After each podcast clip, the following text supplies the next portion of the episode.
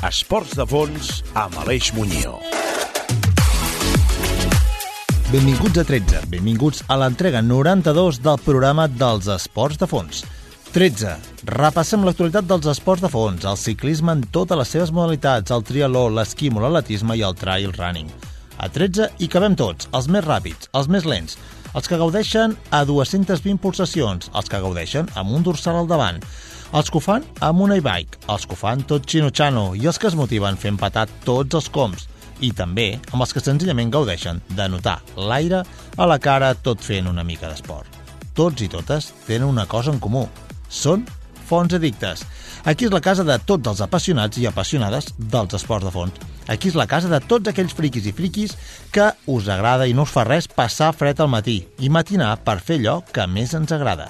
Aquells que quan tothom ja s'ha recollit a casa, us calceu les bambes i aneu a córrer, desafiant el poder del sofà quan tothom ja està calentó, preparant el sopar psicologia, nutrició, cuina, material, curiositats, reflexions i anècdotes, rutes, protagonistes, esport amateur i professional. Tots ells tenen lloc a 13. 13, una producció de We Run per a Ràdio Sabadell i que podeu escoltar a la vostra ràdio de proximitat gràcies a la xarxa de comunicació local de tot Catalunya. I recordeu, i també podeu escoltar-nos ara subscrivint-vos al podcast de 13 a Spotify 13 a Spotify. Segueix els esports de fons a 13 Spotify.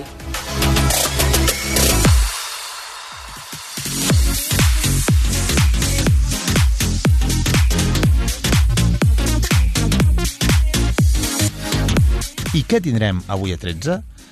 Comencem l'any i el començarem amb energia, amb voluntat d'activar-nos i de no proposar-nos tot allò que vulguem. L'Adam Goldthorpe ens parlarà de, del que està passant la temporada de ciclisme i de ciclocross. Tindrem la secció estrella d'avui, Omnibus. Parlarem d'una de les distàncies més populars de l'atletisme, la marató. El Sergi Latorre ens ajudarà a posar-nos a punt i en forma el tercer temps. Si els torrons, els canelons i la carn d'olla us han fet fer algun excés durant aquests mesos o durant aquests dies, el Sergi Latorre ens posarà les piles per estar a tope. I en Genís Sabater, en Genís Sabater està a l'Equador i ens parlarà de l'aventura que està visquent en allà. Recordeu que fins al dia 31 de gener teniu un motiu més per moure-us. El repte solidari que des de 13 impulsem i recolzem. Ja queden pocs dies. La Cap d'Any Virtual Race, una campanya solidària que recull recursos. Recursos econòmics per al Parc Taulí de Sabadell. I com podeu fer-ho? Fàcil. Registreu-vos amb una APP un recorregut de 5 o 10 km corrent. Inscriviu-vos a capdanreis.cat. Feu el donatiu que desitgeu. Per validar el rànquing, envieu el comprovant del vostre registre a hola.capdanreis.cat on us podeu inscriure a capdanreis.cat. Queden molts pocs dies del repte solidari d'aquest mes.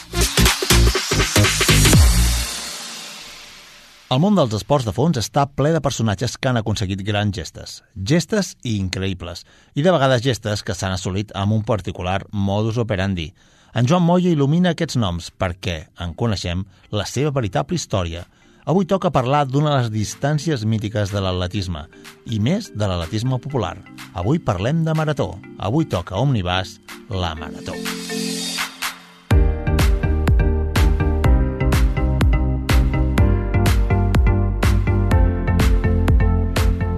Si bé el món de l'atletisme popular té una prova que és la prova reina, la prova que abans que aparegués tot el món del trail running i la gent digués vull fer l'ultra l'ultra casa meva, l'ultra uh, l'ultra Vallès, l'ultra el que sigui, l'ultra tot, uh, hi havia una prova que era com la quimera de tot atleta popular, que era la marató. I la prova de la marató era com lo màxim que podia aspirar un esportista amateur de, com a repte esportiu. Al cap de temps van sortir tot el tema dels, dels Ironmans, llavors van sortir, quan ja va haver-hi tots els Ironmans, llavors van venir tot el tema de les curses a peu per muntanya, i llavors eh, van venir tots els ultras i tot, però tu, Joan, avui has volgut fer un homenatge a l'atleta popular, al, al principi de l'esports de fons, i te n'has anat a buscar el que és eh, tot, aquest, tot aquest món de la marató, però des de la teva visió. Correcte, efectivament. Um, ens remuntarem, avui ens remuntarem 24 segles enrere. Eh? Ens situem al 490 abans de Crist i ho I situarem... A on, a on a, ens anirem eh, a, a, a, una batalla, eh? un entorn així una mica... Ens anem 400, 490 anys abans de l'any no. 0 a això mateix. És a dir, fa 24 segles, 2.400 anys. Correcte. Ens imaginem l'exèrcit grec i el persa... Tot d'homes musculosos i, i, i lluents amb cascos de ferro. Correcte. Que portaven cascos de ferro, però no anaven, no anaven, anaven a pecho descobierto. No. Si més no, la pel·lícula 300 anaven així. Sí, en, bueno, ens, ens ho imaginem I tots així. estaven fibrats. No hi havia gent, ni, ni gent passada de pes, i tot, tots eren fortíssims. Sí tant. Uh, sabien, uh, havien de guanyar-se uh, doncs, bueno, uh, El pa. la gràcia dels déus. Ah, clar. Doncs llavors, en aquesta batalla, eh, En una batalla de... marató. Aquesta batalla, Digue-li casualitat. digue-li casualitat, però... Però... Clar, si s'hagués sigut, jo què sé, batalla de Ciutat Badia. Ara la gent diria, tu, qui- quina és la prova eh, màxima de, de l'atletisme polar? La Una Ciutat Ciutat Ba- Badia. la Ciutat Badia. Mhm. I tothom, arreu del món, entendria que Ciutat Badia és el màxim de, de l'atletisme popular. Això mateix. Però en que- aquest cas no va ser Ciutat Badia. com que, to com que totes les batalles normalment s'inclinen, la balança s'inclina cap a un, un dels dos costats, doncs la batalla va caure del costat grec. Els Molt bé. grecs van guanyar els perses. Jo, crec, jo, crec, jo crec que vam guanyar ells. Sí, no? Sí, Doncs això. crec doncs, que sí. Grec, grec, La, I hi havia la greca Garbo. grecs bé. Sí. Doncs això, que llavors va, va aparèixer el, el primer atleta no? de la història, un tal Filípides, però, va ser l'encarregat, era el, el... Hi havia una batalla. Era, Sí. Aviam, anem, anem, per, anem per parts, que era com acabaven els, els soldats que no guanyaven. Anem per parts. Um, i, I resulta que hi havia una batalla. sí, Els, els, els perses, els perses estan fent una incursió. Jo m'he il·lustrat, això. Uh -huh. Els perses estan fent una incursió. I per què aquesta batalla és tan famosa? Doncs perquè resulta que els perses, és que vaig fer història contemporània a Cou, doncs resulta que els perses va ser... Eh, aquí ja se m'escapen els noms, perquè són noms no sé què, Ides, no sé què, Filispides, eh, Trostides, eh, Diaquides i noms d'aquests grecs, perdoneu-me historiadors que escolteu el programa, però resulta que um, l'important d'aquesta batalla va ser la primera vegada que als perses se'ls va guanyar a, a terra ferma. I això va fer no tant perquè fos una batalla molt important, sinó que va fer que molts pobles que estaven sotmesos a aquesta gent uh, diguessin, pues, És sí possible, se puede. és possible. Sí se puede. I d'aquí ve potser també el sí se puede. Però aquí no, ara no entrarem en, en això, però la qüestió és que, que va ser una batalla important per això. sí, els hi va fer molta, molta il·lusió. I- Guanyar-la. Guanyar-la. Els, els perses no gaire. Els perses, bé, va ser... A veure, i què et una perses il·lusió. aquí? Què et perses? Tu Que et guanyaràs? Tu et I perses? tu què et perses? Sí, Doncs això, van agafar, has perdido. van agafar, van dir, aviam, hi ha, hi ha algun missatger per aquí? Clar. I van, Però, van però, el missatger, però el missatger per què va ser? Per dir, viva, hemos ganado? No. Havien, sí, havien d'anar a comunicar, eh? Uh, clar, abans no hi havia WhatsApp, Aleix.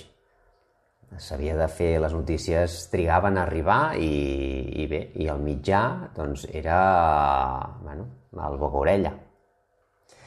Llavors van agafar i explica la, la llegenda. Eh? Jo no sé si, si el Filípides va acabar com, com s'explica o no, Tot el que hi havia un soldat, però sí, que ara no sabem si era el pringat o el motivat, això mateix. que es deia, Filípides. I el pobre Filipides estava allà menjant-se els seus cigrons, si és que hi havia cigrons, o I- olives, i li van dir- olives i feta. Escolta'm tu, Filipides, tu, come here. Bueno, no, uh, grec. hronye, hronye. Filipides. agafa i ja pots uh, anar cap a Atenes, fes cap a Atenes, Tira. explicar Veus allà? I dius, veus la porta? Doncs tanca-la per fora. això. Veus la, la, polis, la polis grega? Sí. Eh? Ves i entra i anuncia que hem derrotat els perses. I així ho va fer. El que passa que, clar, Que- que- que eh, la potser- batalla no era al costat de la ciutat. Sí, no és allò que dius, anem a, anem a lluitar al rodal. No. I tornaven a dormir a casa, no. I ves caminant, no. No. Ves tan ràpid com puguis. I no agafis un cavall. No, Però n'hi havia de cavalls, existien. I tant. Ah. Però, digue-li, potser, potser és que mm, no li van deixar clar i va dir, bueno, doncs aniré a peu. Clar. I I llavors el que fer. estava preparant el cavall li va dir, quan, Ah, que ja ha marxat? ¿Dónde has ido? Felipe, pues te, te lo he dado aquí todo, todo chetado. El caballico. Doncs sí, sí. I el Filipides va dir, eh, que, te- que te'n vagis ja. I va dir, clar, Va deixar els cigrons i, i vinga, el feta, els cigrons i les olives de Calamata i, i se'n va anar cap a Atenes. Cap a Però clar, Atenes. que no estava al costat. No estava al Estava costat. lluny. Estava força lluny. I res, va arribar, va donar la notícia i el noi pobre va caure mort de l'esforç. De, de, de dir-la, no? De dir-la de la satisfacció no crec. clar, clar, perquè quina distància hi havia? Hi havia 42 quilòmetres i 195 metres. Clar, i la batalla era la de marató. La marató. I d'aquí ve que la marató tingui 42,5 quilòmetres. Perquè el senyor Filipides no va voler agafar el cavall, ni el metro ni la línia 9, perquè la tuneladora encara l'estava acabant. Això. Ja va començar fa, fa 24 segles, va començar a fer la tuneladora. Ja tenia visió, va dir, mira, jo ja donaré nom a una prova Sí. eh, que, que tindrà aquesta distància i que serà la que, que servirà de clausura, per exemple, pels Jocs Olímpics. Clar, això sí que és ser un influencer, eh?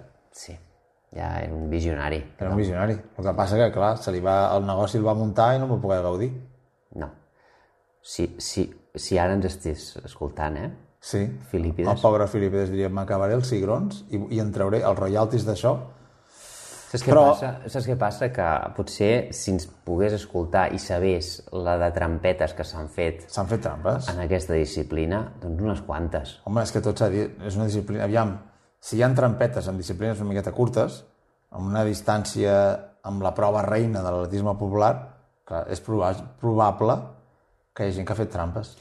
Doncs sí, mira, podríem, podríem remuntar-nos també una mica enrere, o si no... podria- Sí, està home, bé. sí.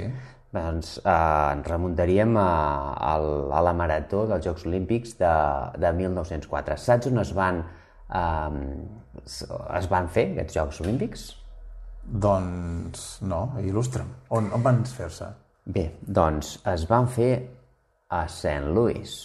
Atenció, has dit Sant Louis, Estats Units? Bé, bé, originàriament, originàriament es van atorgar a la ciutat de Chicago. És a dir, que ja comença una mica la història a ser rocambolesca. Però què va passar? Que llavors eh, a, a Louisiana, la, la Louisiana Purchase Exposition, abans hi havia, Digue-li digue la Louisiana Purchase Exposition, exposició universal. abans no hi havia internet, No. per tant, vull dir, s'havien de divulgar no, els coneixements Clar, a les exposicions universals a Barcelona se'n va fer una. Correcte, també, sí, sí. Doncs això, doncs, eh, clar, van dir, home, no, no pot ser que fem dos esdeveniments d'abast mundial i els fem eh, en les mateixes dates, Clar, a llocs diferents. perquè Sant Louis havia de ser seu de l'exposició universal. Correcte. I resulta que Chicago va dir, nosaltres farem els Jocs Olímpics. Ah, no, i nosaltres farem, farem la- l'exposició universal. Ah, no, no. Señores de Chicago, no pueden hacer ustedes una cosa internacional. Jamás. I van dir, no puede ser. No puede ser, señorita. Doncs aquí sempre hi ha un I, va, i, va, i què va fer? La ciutat, la ciutat de Sant Louis què va fer? Va pressionar, segur. Sí, i el senyor Pierre de Coubertin, Home, el Pierre de Coubertin, el de l'esperit olímpic. ah, això mateix, doncs va dir, escolteu doncs ho farem, atornegarem els jocs a la ciutat de Louisiana. No direm com, si com el van pressionar o deixar de pressionar, però la qüestió és que va fer així. Sí, sí, sí. Però, però què va passar amb Sant Lluís? Hi ha, hi ha alguna característica que em vulguis dir també d'això? Què va fer Sant Lluís? Sant Lluís, Joan, ja t'ho dic, va repetir els mateixos errors que quatre anys abans havia comès París. Perquè les competicions es reduiran a una simple exhibició cultural més dins de l'exposició i es perllongaran durant cinc llargs mesos. Imagina't, uns Jocs Olímpics de cinc mesos. A una exposició universal que de tant en tant fas alguna prova esportiva. Clar. I em diràs, com és que tu saps això? Doncs perquè internet és inescrutable. A més, les competicions es barrejaven amb altres competicions esportives menors que també van rebre l'apel·latiu d'olímpiques. És possible, és possible que el context eh, antropològic de l'època fes que no es competís amb igualtat de condicions en funció del teu origen o del teu to de la pell? Doncs sí, certament els Jocs Olímpics de Sant Lluís diuen que són els Jocs Olímpics de la, de la vergonya a nivell històric, perquè té, té tota una mena de, de rerefons una mica estrany, de grotesc, i que podríem, podríem parlar-ne, però, però sí que és veritat que a Sant Lluís el que va passar és que estem parlant de que era a principis del, del segle XX, als Estats Units, i els Sioux, els... els... De, les, o sigui, diguéssim... Tota... Que tothom qui no fos anglosaxó Ah, i blanquet mateix. era considerat com... Menor. Que, menor, sí, sí. I llavors el que van fer va ser, van fer com uns jocs d'exhibició una miqueta cafres amb, amb, amb la gent que consideraven que eren de categories inferiors. Per Cosa Sort, per sort, tot això ha canviat. I ha canviat i el mateix Baró de Coubertin, tot s'ha de dir, ja va dir, diu, ara tota aquesta gent que se'n riu d'aquesta gent i fa aquests espectacles denigrants, que ho va criticar, ja veurem com seran quan tots aquests eh, eh, negres, xinesos o, o mestissos Qualsevol els guanyin, els guanyin en, en les mateixes proves. Doncs pues mira, digue-li visionari i ha Baró de, la de Coubertin li ha donat la raó. Realment, però no estem aquí per denunciar un fet de, reprobable i que, i que realment és bastant fastigós dels Jocs Olímpics de Sant Lluís, sinó també cal dir una cosa, que els Jocs Olímpics de Sant Lluís van ser els primers que es van entregar medalles d'or, d'argent i bronze. Això és la primera vegada. I llavors, de, també cal dir que la parietat home-dones estava molt, estipulada. a Sant Molt desequilibrat. Hi havia 700 atletes. D'aquests 700, Vuit d'elles eren 8 dones. dones. Tant 692 homes, 8 dones. Desequilibri total. Desequilibri total. Uh -huh. Bueno, però clar, ja, era, ja eren els Jocs Olímpics faltons, ja. Uh -huh. Ja era molt, molt... cosa que no, que no podríem entendre-ho. Però bueno, Sant Lluís, tot s'ha de dir que és Sant Lluís, a Missouri, actualment és l'àrea metropolitana més gran en l'estat de Missouri, als Estats Units. Fet l'apunt històric dels Jocs Olímpics de Sant Lluís, eh, eh, col·loquem-nos ja a lo que volies parlar. La prova de... La Marató de Sant Lluís. Bé, doncs, eh, si el context i els jocs ja tenien eh, aquests qualificatius i són coneguts per, per aquest aquests fet fets... vergonyós, Sí. reprobable i, i que ens sembla que no, no, no té raó de ser. Doncs bé, la marató doncs, és reflex de- d'aquest context també. En la prova hi van participar 31 atletes, dels quals només 14 van aconseguir creuar la línia d'arribada. És una de les maratons més confuses i irregulars de la història. És a dir, de les que es té constància, és de les maratons que es té constància, i a més d'uns Jocs Olímpics, amb més ganyifatisme de la història. Sí. I de fet, de fet la, la marca de, de la prova és... Uh, o sigui, van trigar mitja hora més en cobrir la mateixa distància que l'edició anterior. És dir, una mica estrany, també, això. Una mica estrany. Però clar, també, aviam, anem, anem a ficar les coses, perquè les coses no són així tot. Ah, que hem tardat media hora, que estan aquí... Aviam, expliquem les coses. Aviam, ah, quan es van celebrar aquests jocs i quines condicions s'hi donaven? Sí, aviam, uh, actualment per fer una marató doncs, hi ha una sèrie d'homologacions, uh, a més les, les marques uh, es registren gràcies a això que hi ha, es pot comparar les condicions d'una marató en distància, uh, Desnivell. desnivell, etc. I, i, bueno, i que es compleixin unes mínimes condicions. Uh, doncs llavors, a Sant Lluís, la cursa, quan es va produir, va començar a, a la tarda, eh? una tarda d'agost, amb, Perfecte, perfecte per anar a córrer una marató. amb una calor excessiva. Uh, pensa que, bueno, clar, als Estats Units els, eh, la temperatura es, es mesura en graus Fahrenheit. Que, que, bueno, que la calor la fa igual. Encara que diguin un número diferent, la calor la fa igual. Sí, si et dic 90 graus Fahrenheit, Sembla que faci molta calor. Molta Però això calor. és? 0 graus centígrads? No. A l'agost dubto que faci... A Missouri, dubto que faci... Què són això? són una mica més de 32 graus. És a dir, 32 graus, el, valor, bueno, el nivell d'humitat el desconeixo, però 32 graus ja d'entrada, si has de fer un esforç físic i, i de, del nivell d'una marató, doncs ja, ja jo crec que Aquarius condició... en aquella època no n'hi havia. Aquarius. No. No, no, no. Pensa que també els competidors, bueno, eh, no, no hi havia asfalt i les pistes eh, de cendra en aquella època, eh? clar, eren de cendra. Per tant, eh, la cursa va començar a les 3 de la tarda, un dia d'agost, amb molta calor, i eh, la cursa va començar amb 5 voltes a l'estadi. L'estadi eh, tenia una pista, com tu has dit, de cendra. Eh, la, la pista de la Universitat de Washington St. Louis. Uh, clar, imagina't, a 31 atletes corrent sobre cendra. Clar, una mica de pols sí que S'aixeca, s'aixeca. s'aixeca, la pols. Qui no vol pols no vagi a l'era, però allà n'hi havia perquè estàs competint, estàs uns Jocs Olímpics. Ah, això mateix. Però clar, què passava també? Llavors surts i tots són camins. Perquè allà... Encara a- no havien asfaltat. A l'Amèrica profunda... A, a l'Amèrica del segle XX, de principis del segle XX, el senyor Asfalt encara no hi havia anat. Això mateix, anaven... Dragados, Dragados o, o Moventia o com es diguin aquesta gent, no, no, havia, no, Moventia no, Moventia no és de- no és de- de- d'estructures. Això, Dragados o... Fomen- o, fo- o Fomento. El del... Del Florentino Pérez. Florentino Pérez. que- Exacte, el que fan les carreteres. Això, els senyors que fan les carreteres. Els senyors que fan les carreteres, allà no, no, no bueno, anaven. hi havia no eren. senyors que feien les Feien carreteres d'una altra manera. Home, clar, és que la gent abans de fer carreteres havia fet de camins. No començaves a fer un llibre, primer has d'aprendre a escriure. Doncs la gent feien camins.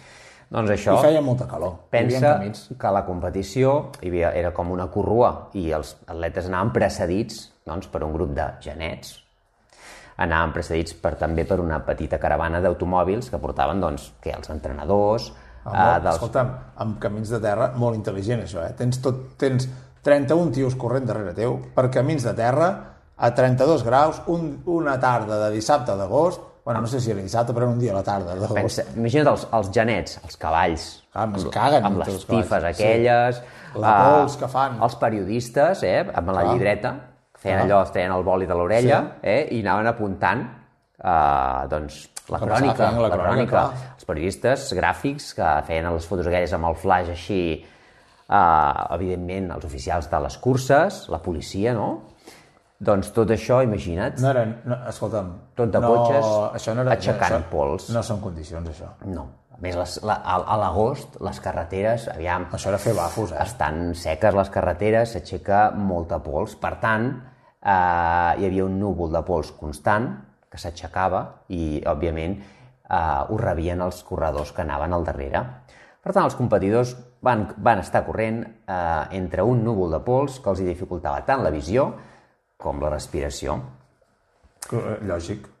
Òbviament. Sí. Uh, això, uh, juntament amb la calor i la manca d'aigua durant tot el recorregut, diguem que no tenien No previstos punts d'avituallament, només hi havia una font d'aigua, uh, a 19 quilòmetres hi havia un pont, un pou, eh? 19 quilòmetres cursa enllà, o sigui, a, a, a mitja cursa, És a dir, que no et si pots retirar arribaves, abans. Clar, has d'arribar com a mínim al quilòmetre 19. Tens 7. És el premi. Clar, Premi. tu, quasi que si vas i tornes ja ho tens fet. Això Així t'assegures que, que l'acabes, com a mínim.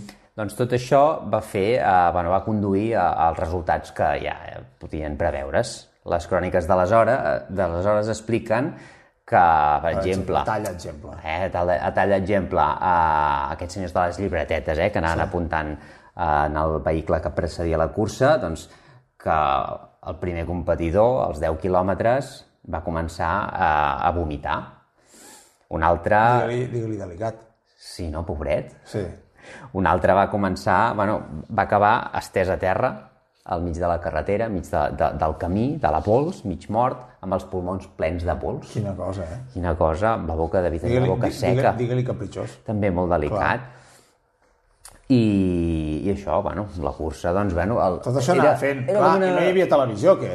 era com una mena de, de, de cursa de supervivència, no, llavors? Exacte, sí, sí. I, no, òbviament, no hi havia televisió. Clar, a l'estadi La gent- sortien i la gent què feia? Doncs, bueno, devien fer alguna cosa, no sé, llegien un llibre o xerraven, Sí, feien, patar, feien passaven la tarda. Uh -huh. Però ells també passaven calor, pobra gent. També val a dir que, eh, com a anècdota, eh, la filla del president de llav del llavors Estats Units, el Theodore Roosevelt, eh, estava també esperant el guanyador a l'estadi. És a dir, que hi havia tots els espectadors i hi havia la filla de, del president dels Estats Units de llavors, Una personalitat, clar. una personalitat Sí, sí, sí. rellevant, eh, esperant el guanyador també per donar-li doncs, eh, la medalla.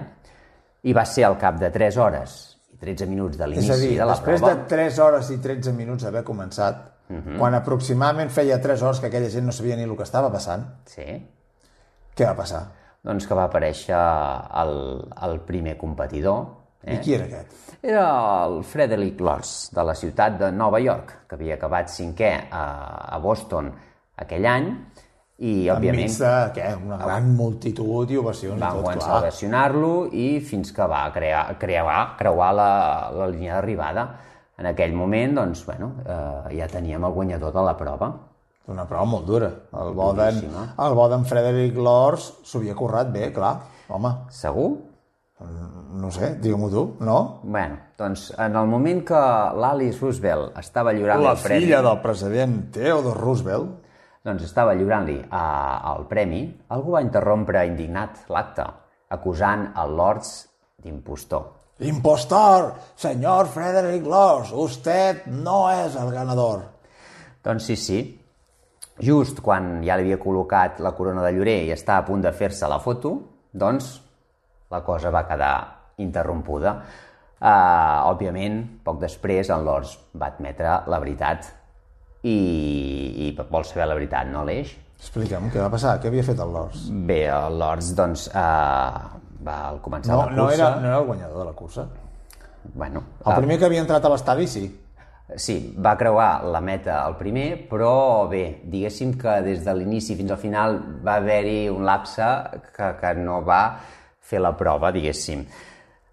El, el, el Frederic va, va explicar que havia patit rampes al començament de la carrera i per això va pujar al cotxe del seu mànager als 17 quilòmetres eh, de la prova. Eh, llavors, clar, va pujar al cotxe, el, el, el típic Ford de l'època, D'aquests que van així, croc, croc, Ah, croc, això mateix, clar, sí. i Típic, fins, estic, fins, il·lustrat, estic il·lustrat en tots els cotxes del principi del segle XX, clar, Sí, sí. fins que el cotxe es va espatllar.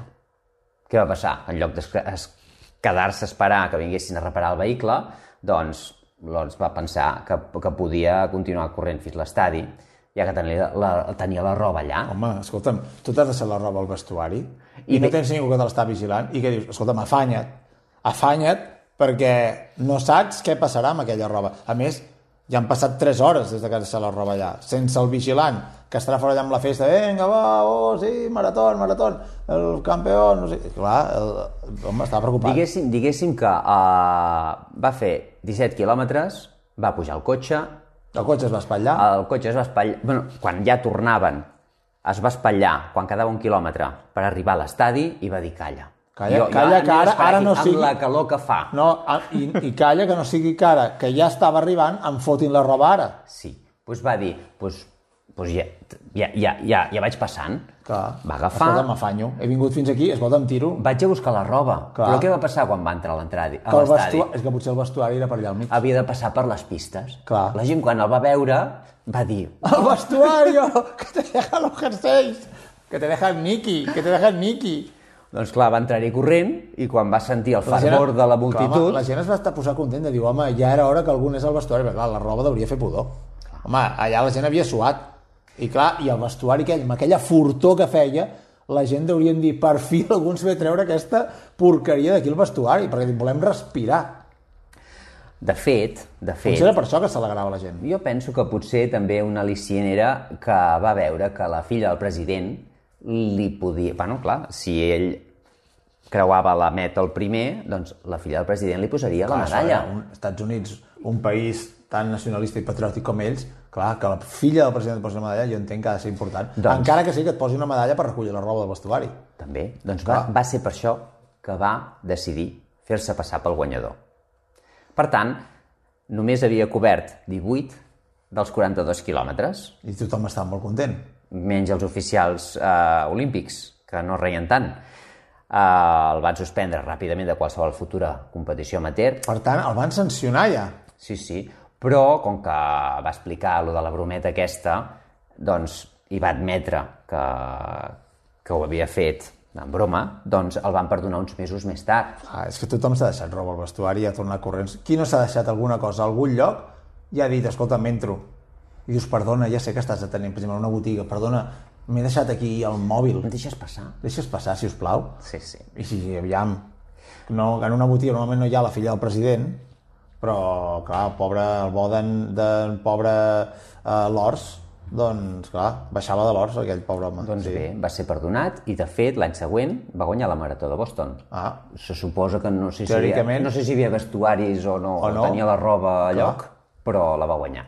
calla que no sigui per això que corren amb poca roba ara, els, els atletes corren amb poca roba per tenir sempre roba al vestuari. Això. Per si de cas un dia fa molta calor i l'aigua està a 19 quilòmetres, diuen, pam, torno. Però encara hi ha més anècdotes d'aquest dia. Sí. Uh, clar, òbviament, si el que creu a la línia d'arribada no és el guanyador perquè ha fet trampes, El següent arribi anem, anem, anem a mirar què passa amb el següent. Clar que seria el, que, el guanyador, clar. Clar. Doncs canviem de personatge. Sí. En Thomas J. Hicks. Hicks. Sí. Uh, aquest, bueno, en, en Thomas Hicks, un anglès afincat als Estats Units i de professió pallasso. Ah, era pallasso. Sí. Uh, Ves quina gràcia. doncs, aviam, mentre tot això passava, eh, en Higgs, l'autèntic líder de la cursa, doncs continuava lluitant. Va haver de deixar de córrer i caminar a l'últim turó del recorregut exhaust. Quedaven dos quilòmetres per arribar a l'estadi. 40 quilòmetres el pobre home aquest, eh? Pobre 40 Hicks. quilòmetres. I allò, allò ja no feia gràcia. Ni que siguis el, el Charlie Rivel ni el tortell, pul- el tortell poltrona amb les pusses. Sí, no. sí. No, no, no. Ja feia... Diguéssim que, que s'hauria de pintar molt la cara per, per fer una cara graciosa. Uh, llavors, clar, quedava en dos quilòmetres i l'home no podia més. Els, uh, segons les cròniques de llavors, el Times va escriure al cim del turó una multitud el va animar enèrgicament, cosa que va renovar la seva energia mancada, i va entrar a una carrera ràpida. És a dir, que segons les cròniques va arribar al, al cim i quan I va veure... la calor del públic, Sí, i quan va veure Hicks que va treure quedava- forces de flaquesa i va dir That's my time. Ah, això mateix. Això és l'èpica de les cròniques. Però què va passar amb Va ser, va, va, va, va, ja tenia un guanyador. El, el guanyador va ser ell. Clar. Val? Per què? Uh, ell va ser el que va creuar la línia d'arribada havent fet tot el recorregut. Però ell també estava involucrat en, en actes fraudulents. També. També. Va ser ajudat a creuar la línia de meta i es va convertir en el primer olímpic a ser culpable d'utilitzar drogues per millorar el seu rendiment. M'estàs dient que el pallasso Hicks va ser el primer dopat de la història de l'olimpisme? Doncs sí, t'ho estic dient. Pensa que quan estava al turó, que veia l'estadi, que li quedaven dos quilòmetres, la gent, la multitud, l'animava, però estava completament esgotat. Va ser ajudat pels seus entrenadors que li van subministrar dosis de conyac Com? Com? És a dir, quan estava ben grogui, me li van donar conyac al, al Boden Hicks. Sí, imagina't, sí, sort que no li van fer un control de- d'alcoholèmia, perquè hagués donat positiu. També clares d'ou i diverses dosis d'estricnina. Estricnina? Sí. Escolta'm una cosa, què és l'estricnina? Doncs bé, l'estricnina és, és, bueno, és com una pols una mica amargama, és, és un alcaloide eh, de la nou vòmica i d'altres espècies del gènere Strychnos. L'estricnina és un antagonista de l'aminoàcid glicina... Bueno, et podria explicar moltes coses, no? Però és, és una droga, l'eix. Sí. És una droga. I li anaven, li bueno, li anaven subministrant Escolta'm, dosis. però és que il·lustrant-nos ara més, mira, jo, jo ho estic buscant, això. Oita què et diu de l'estricnina? Et diu, en altes dosis produeix una gran estimulació de tot el sistema nerviós central, agitació, dificultat per respirar, orina fosca i convulsions. Podem provocar la fallada respiratòria i la mort cerebral. En dosis majors de 25 mg pot produir la mort per asfíxia a causa de la contractura dels muscles toràcics. En immobilitzar el múscul del diafragma, del diafragma l'individu mor per asfíxia. La dosi letal en persones de 15 a 30 mil·ligrams. Bueno, És a dir, et és a puc dir- assegurar, Aleix, que va creuar la línia de meta amb ajuda i llavors es va desplomar. Els metges que el van atendre van assegurar que amb una dosi més d'estricnina hagués mort. És a dir, que el Higgs, el bo del pallasso Higgs, anava fins les tranques. Totalment, totalment dopat. Després, tot i així, eh, després de la marató olímpica, Higgs va continuar competint, va aconseguint resultats irregulars, però també caldria destacar que va guanyar la marató de Chicago el 1906. És a dir, que possiblement va deixar de prendre estricnina. Però corria molt, el senyor Higgs, clar. Ah, això mateix. Sí, sí. Doncs això, podríem dir, com a resum, que el primer corredor que va creuar la meta Net. va, va ser, bueno, el primer que va creuar la meta va ser un impostor, El segon, un dopat. el segon un dopat, I, i bueno, podríem dir com a anècdota també que, que hi havia un altre corredor, un carter cubà, en Fèlix Carvajal, que, segons sembla, va córrer vestit de carrer. Quan, quan el van veure a la línia de sortida, van córrer a retallar-li les mànigues de la camisa i els pantalons, perquè, Perquè clar, de calor, amb la home. calor que feia, pobre home, doncs això. Aquest senyor tenia una... Bueno, va, va haver de uh, finançar-se el seu viatge des de Cuba fins als Estats Units. Va, era un home doncs, sense recursos, s'ho va aconseguir fer tot ell sol, però què passa? Que la gent, a vegades pel seu mal cap, doncs, uh, bueno, doncs per, per...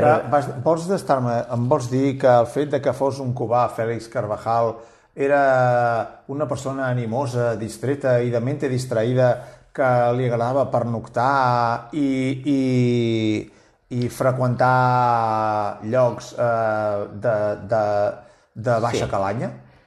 diguéssim, diguéssim que va arribar, o sigui, va aconseguir eh, el bitllet per arribar als Estats Units, eh, per arribar, va arribar a Nova Orleans, però què va passar? Que les diversions, anava als antros aquests on, on es jugava, el, el van timar diverses vegades, es, bueno, amb aquestes senyoretes que amb intercanvi de diners doncs aconsegueixen petons, o sí. aconseguien, sí. aquestes Senyoretes o senyorets, el que li deies al senyorets, Fèlix. Sí. Sí. Eh? Segons diu, li agradaven les senyoretes. Ah. Eh? Però si li haguessin agradat els senyorets, s'hagués gastat igual els diners, suposo. Llavors, què va passar? Uh, es va gastar tots els diners que tenia per arribar a Sant Louis eh? i va haver de fer la distància que separa Nova Orleans de Sant Louis a peu. Saps quina distància hi ha? És a dir, que s'ho va polir tot i diguéssim que va haver de baixar, per un, un, va haver de baixar una parada de metro abans. Sí. El, el, el tíquet ja era allà una zona més, no? Sí. I no tenia tíquet per l'altra zona. Sí. Però quan era aquesta altra zona? Bé, era una zona de 1.090 quilòmetres. Vas dir, em vols dir que anava a fer la marató dels Jocs Olímpics i es va haver de cascar 1.090 quilòmetres caminant per s'ho havia rebentat tot, jugant, eh, bevent I- i amb bicis. I, i amb bicis. Això mateix. Déu-n'hi-do, Déu-n'hi-do. I què va fer aquest home? Potser li va servir d'entrenament. Doncs bé, eh, aquest home, òbviament, va, va, va aconseguir arribar a la línia de sortida, però clar, òbviament aquest home passava gana. Segons, Bueno, sembla, passat gana, home, 1.090 quilòmetres, i què va fer? doncs això, durant la cursa, l'home va, veure, va veure un hort. Al costat del camí va veure un hort, hi havia unes pomeres, i va dir, vaig a menjar alguna cosa. I què va fer? Va agafar unes quantes pomes i se les va fotre, però allò amb, amb delit. Què va passar? Que tenia tanta gana que... que... Que li va sentar fatal. Va emmalaltir, bueno, va emmalaltir, li va, bueno, va caure recargolat i va haver Que no, d'aturar-se. fos, que no fos que la fruita no estava en bon estat. Eh? No, la fruita, la fruita, segons sembla, estava en un avançat eh, procés de descomposició, però la tenia tanta Fèlix- gana... La gana d'en Fèlix no va veure. Això mateix, doncs què va fer? Doncs res, amb el, es va recargolar de dolor, va parar, i... però després va dir, a què he vingut aquí? A córrer. O sigui, he arribat aquí, ho he perdut tot, he fet 1.090 quilòmetres a peu, i ara, per una mica de mal de panxa, anda, home, tira pa'lante. Doncs sí, sí, doncs el, el cubà Fèlix Carvajal va aconseguir completar la carrera. Saps en quina posició va acabar? No pas. Va acabar quart. Bueno, medalla de xocolata, mira. Sí, Molt bé. sí, meritori. Jo penso que... Eh, Déu-n'hi-do. amb tot el que li va Déu- passar. Déu- Déu-n'hi-do amb el marató de, de Sant Luís, eh? Déu-n'hi-do, Déu-n'hi-do. Els pocs que van acabar, no n'hi havia un que hagués acabat sencer, eh? Però, però de la marató, clar, aquí estem parlant de fa eh, 120 anys, eh, pràcticament, que la marató és competició. Bé, eh, les maratons, òbviament, eh, es, es, les, les persones, Aleix, no ens enganyem, les persones, a vegades, tenim eh, aquesta facilitat per complicar-nos eh, la vida pensant que Però això és perquè falten abraçades. Falten moltes abraçades La i... gent, la gent o va rastreta o li falten abraçades, Joan. I llavors la gent necessita notorietat. Sí, mira, et explicaré un cas que, que es va produir als Jocs Olímpics ja de Múnich, el 1972. Uh, Situem-nos, eh? estadi de Múnich, uh, últim dia de competició, final de, de la, bueno, la, la marató, gent a l'estadi esperant que arribessin els atletes i entra en Norbert Sudhaus, un atleta, bueno, un atleta, un, un, un, un noi alemany, un estudiant. Eh?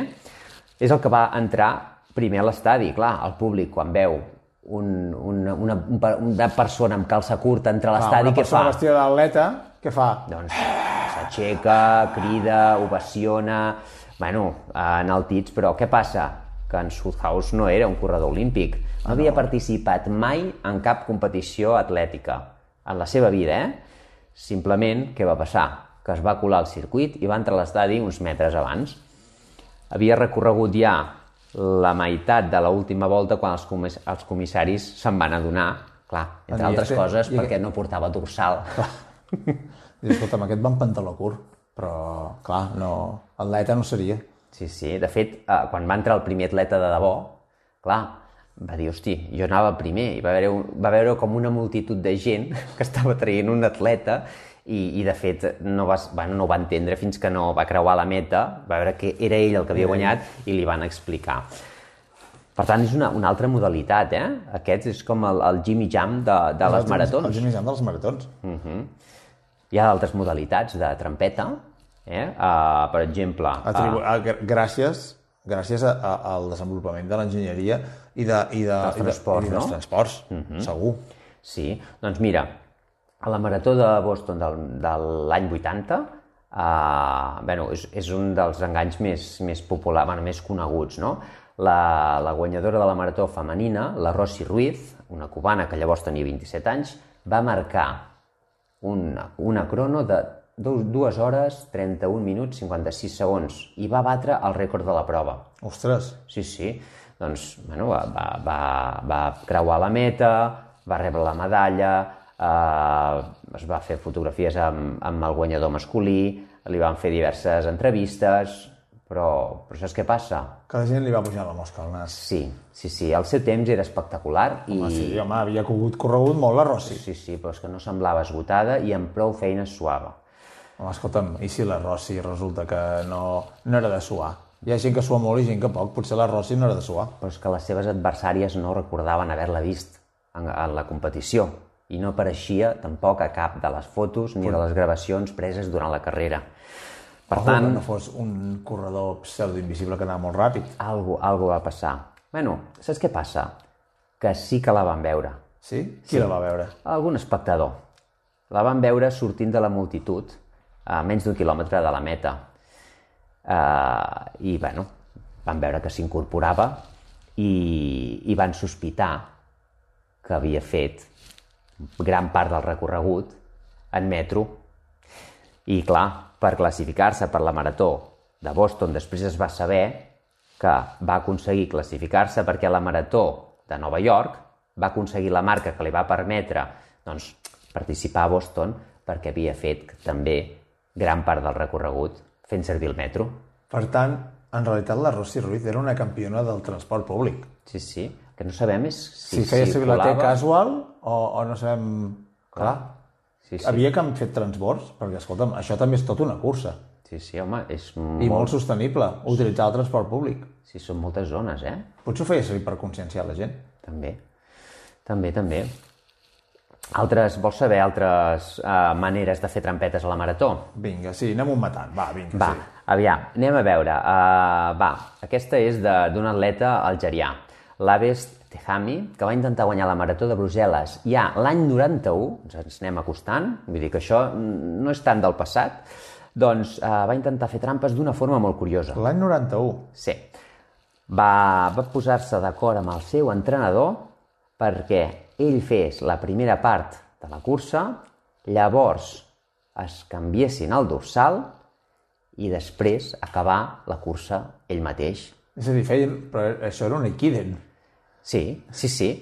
Va fent els relleus de però forma no permesa, De forma particular. però es van, van obviar un detall. Clar. que clar, que les fotos, eh, eh, quan, quan es veu un atleta amb el dorsal que tenien eh, a la primera part de la cursa, doncs què passava? Que un d'ells tenia bigoti, l'entrenador. Però El bo de l'Aves... el bo de la... ja, ja no. Clar, i el bigoti pot sortir a resulte del patiment i de l'esforç. Però desaparèixer? Que no, desaparèixer, no sé què t'afaites mentre corres, jo crec que és molt difícil. Doncs és molt sí, difícil. sí. Escolta'm, que potser era un virtuós. Van ser però, curosos però, amb clar, tots els detalls, menys amb el bigoti. I els van enxampar per un bigoti. Per un bigoti. Atrampant Pels bigotis. pèls, eh? Pels pèls. Pels pèls, els van pillar pels pèls. Sí, sí, sí. Doncs això, doncs una altra modalitat és aquesta. I, i també, doncs, eh, et podria dir ja la més recent que he trobat, eh, de l'any 2011. Ostres, Sí, sí, fa, fa 9 anys. Bueno, no, no, ja fa gairebé 10. Uh, en Rob Sloan. Doncs a l'octubre del 2011 va completar la marató de Kielder, Estats Units, al Regne Unit, perdó, i va fer una marca de 2 hores 51 minuts. bueno, està prou bé. Sí, sí, no sí, sí. cap, cap, però aviam, córrer per sota les 3 hores ja es corre, sí. Però, clar, quan, quan deixes testimonis, ja saps que sempre s'aixequen sospites. Què va passar? Que, que diversos testimonis van veure que s'amagava darrere uns arbres. És a dir, va avançar... Bueno, quan anava primer, eh, es va amagar i després va deixar que passessin eh, els corredors de la primera i la segona posició i, i llavors què va fer? Doncs es va fer acompanyar per un vehicle. I clar, quan tu fas una marató, però 10 quilòmetres dels quals ho fas amb un vehicle, clar, tens molt avantatge respecte als altres. Sí, tens un 25% més d'avantatge, clar. clar. Doncs això.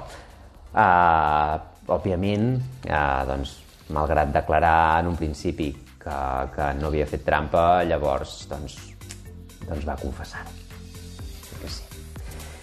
I fins aquí les històries de les maratons populars. Això. Déu-n'hi-do, avui, eh? Hem fet un bon, un bon trajecte amb els ganyifatismes. Déu-n'hi-do. fet un- Els que s'han dopat, els que han agafat cotxes, els que s'han uh, uh, els que s'han anat darrere els arbres, però tot, sí, els que es canvien El bigoti. el bigoti. Déu-n'hi-do, Déu-n'hi-do. Escolta'm, Joan, eh, doncs aviam què és el que ens porta la setmana que ve Omnibus. Déu-n'hi-do, el món de la marató, eh? Déu-n'hi-do. I Déu-n'hi-do. tant. Ostres, tu. Clar, tants quilòmetres dona per tot. I tant, hem fet una sessió avui maratoniana, no? maratoniana. Vinga, Joan. Vinga, una abraçada. 13. Els esports de fons a Ràdio Sabadell.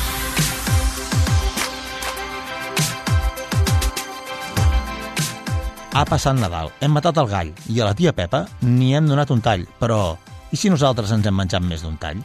I si resulta que ens n'hem menjat quatre i a la pobra tia Pepa no en té cap? Toca cuidar-se i toca fer bondat. Volem anar Altius, Fortius, Excelsius? Com podrem fer-ho? En Sergi La Torre ens ho explica. Avui al tercer temps, com posar-nos les piles.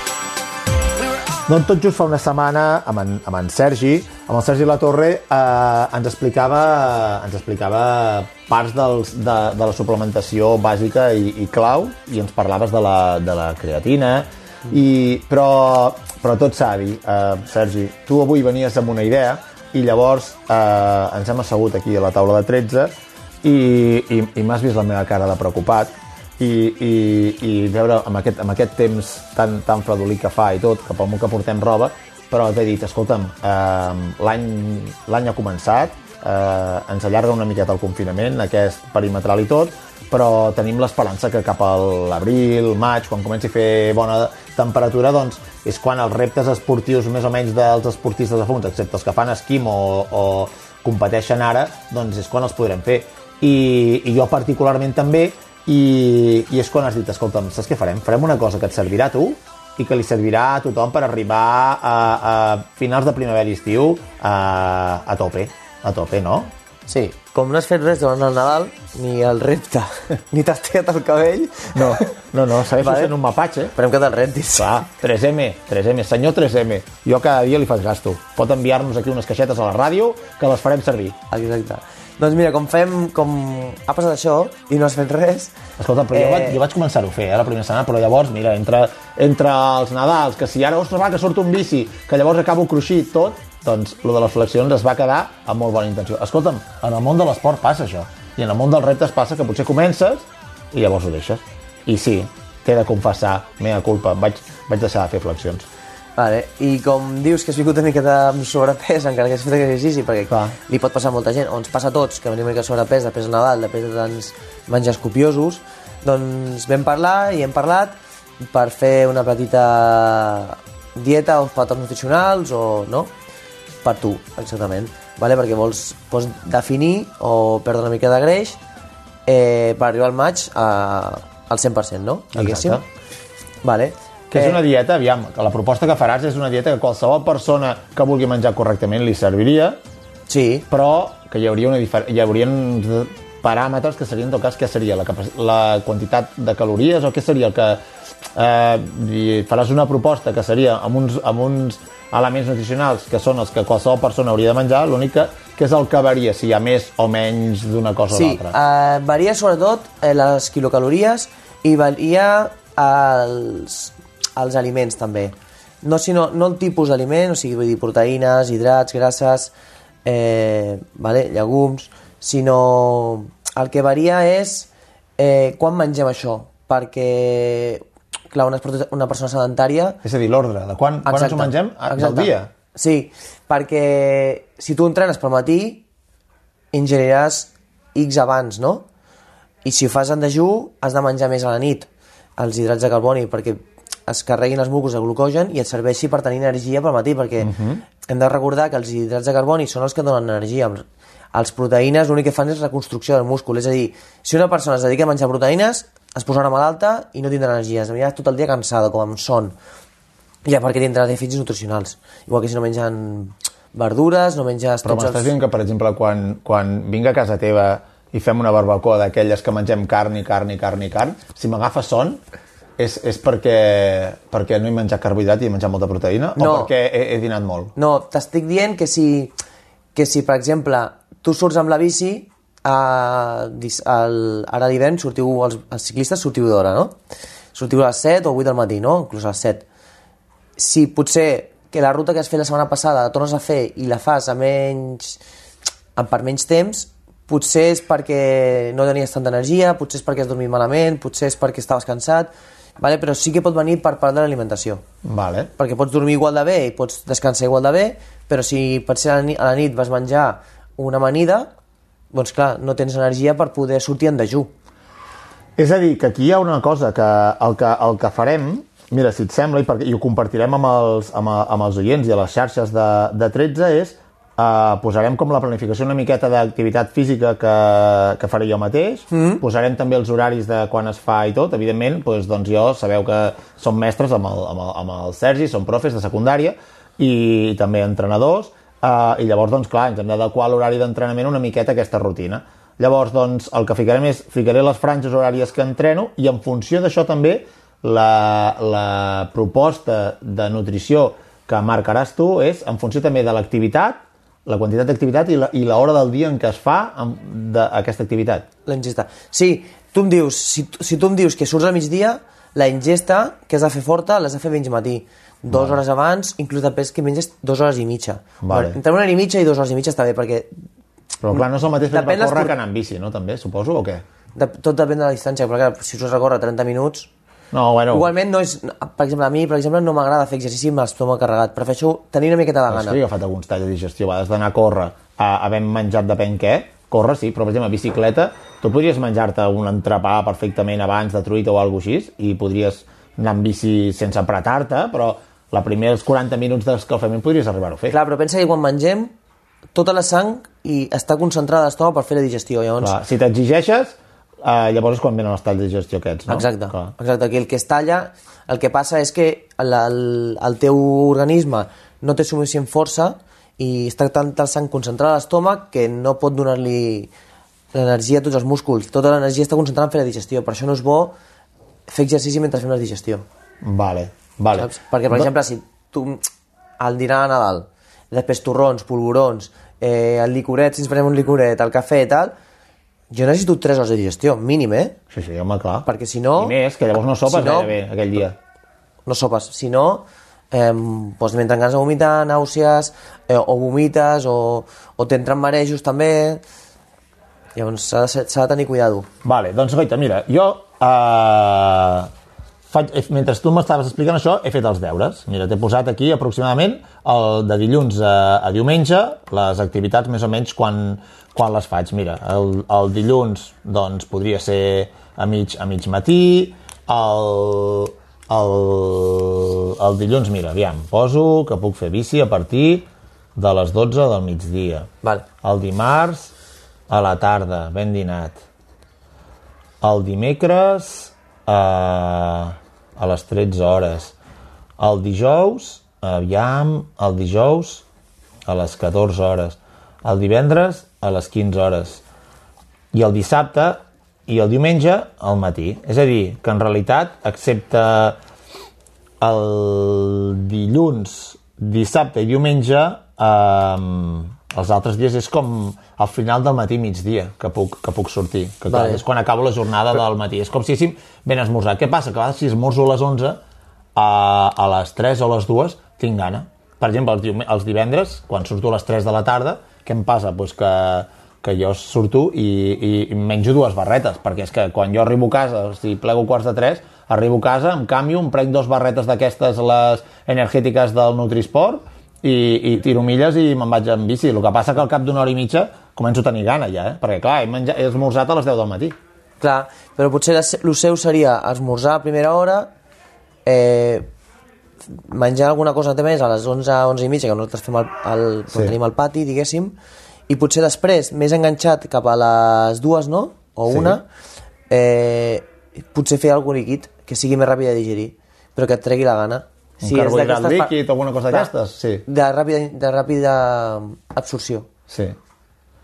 Doncs, aviam, tenim, um, aquí són, al final acaba sortint una setmana entre 10 i 15 hores, mm. que crec que qualsevol, els, els, els, una miqueta, els aficionats amateurs són 10-15 hores el que poden dedicar a la setmana. És una Sí, mitjana moderat. d'una hora i mitja, dues hores al, Sí. al dia, que ja, ja déu nhi està bé. Sí, Som- sí, sí, sí, sí. És, amb això ja, ja podem fer una millora de, de, de la forma física, a part de, del que seria l'entrenament, aquí ja hauríem d'afegir tot, mm. però llavors, amb això i amb la proposta que, que tu veient aquests horaris, ara eh, tu el que faràs és fer una proposta nutricional. Sí, fer una proposta de- d'una dieta nutri- nutricional, sí. Molt bé, doncs A tu. llavors eh, Que si, fas, vols, és si a dir, vols la pengem. La pengem, tu fas, vols, sí. la pengem al llarg d'aquesta setmana i la setmana que ve, i començo, començo a, a l'inici de la setmana que ve ja començant, i així el proper dia que ens veiem ja t'explico com, com ho estic portant. La comentem. Vale? Vale. Fem això? Perfecte. Doncs vinga, apa, va, a fer deures. Apa.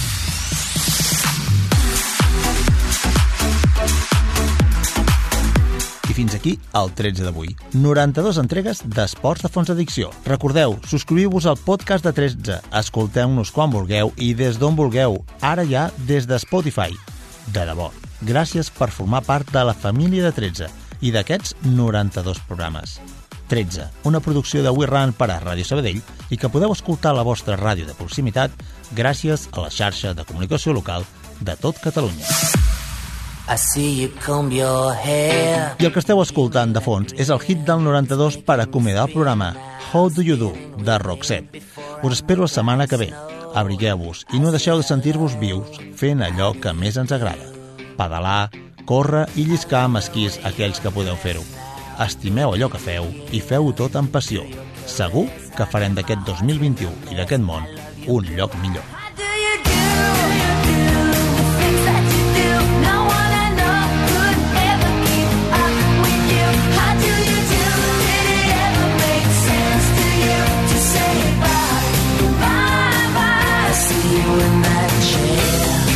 Perfect skin. Well, how have you been, baby? Living in sin. Hey, I gotta know. Did you say hello?